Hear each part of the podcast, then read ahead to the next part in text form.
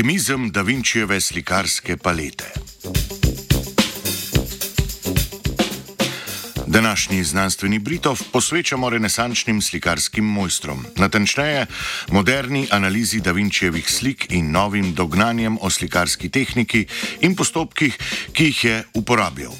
Skupina francoskih raziskovalk in raziskovalcev je namreč opravila podrobno kemijsko analizo sestave plasti barv, ki jih je Da Vinci uporabil pri ustvarjanju danes verjetno najbolj znane slike na svetu Mona Lise.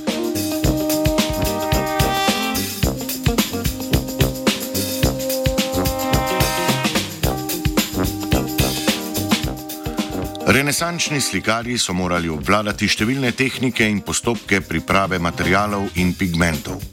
Številne slike so bile naslikane na lesene panele, ki jih je bilo treba pred nanosom barv ustrezno pripraviti.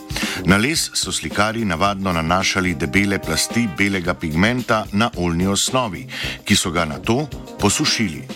Leonardo da Vinci je, kot kaže raziskava, slikal na debelih plasteh posušenega svinčevega oksida, ki je bil umešan v olje.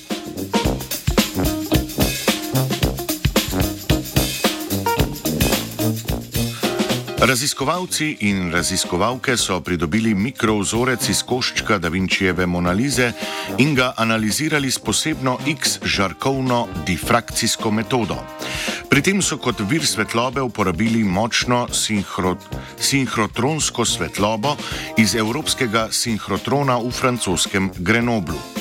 Metoda omogoča, da v analiziranem koščku slike glede na interferenčni vzorec uklonjenih žarkov določijo kristalno zgradbo kristaliziranih sestavin. Dodatno pa so kemijsko sestavo določili z uporabo infrardeče spektroskopije.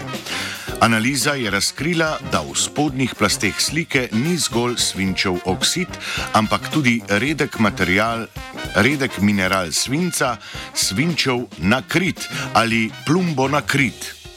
Takšnega pigmenta niso odkrili še pri nobenem drugem delu italijanskega renesančnega slikarstva.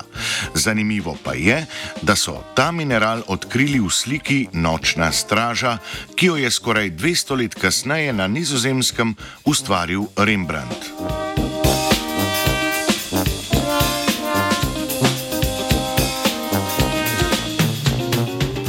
Uporaba pigmentov na bazi svinčevega oksida je glede na dostopne podatke za Da Vincijev čas predstavljala inovacijo. Dodatno so raziskovalci analizirali vzorce Da Vincijeve zadnje večerje in v njih prav tako potrdili višjo vsebnost svinčevih mineralov. Da bi bolje razumeli ustvarjalni proces in tehnike, ki jih je uporabljal Leonardo, so raziskovalci preučili še nekaj njegovih besedil.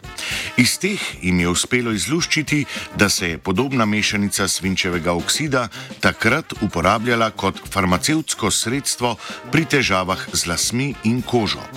A kot kaže, jo je kreativni Leonardo že takrat znal uporabiti tudi za slikanje.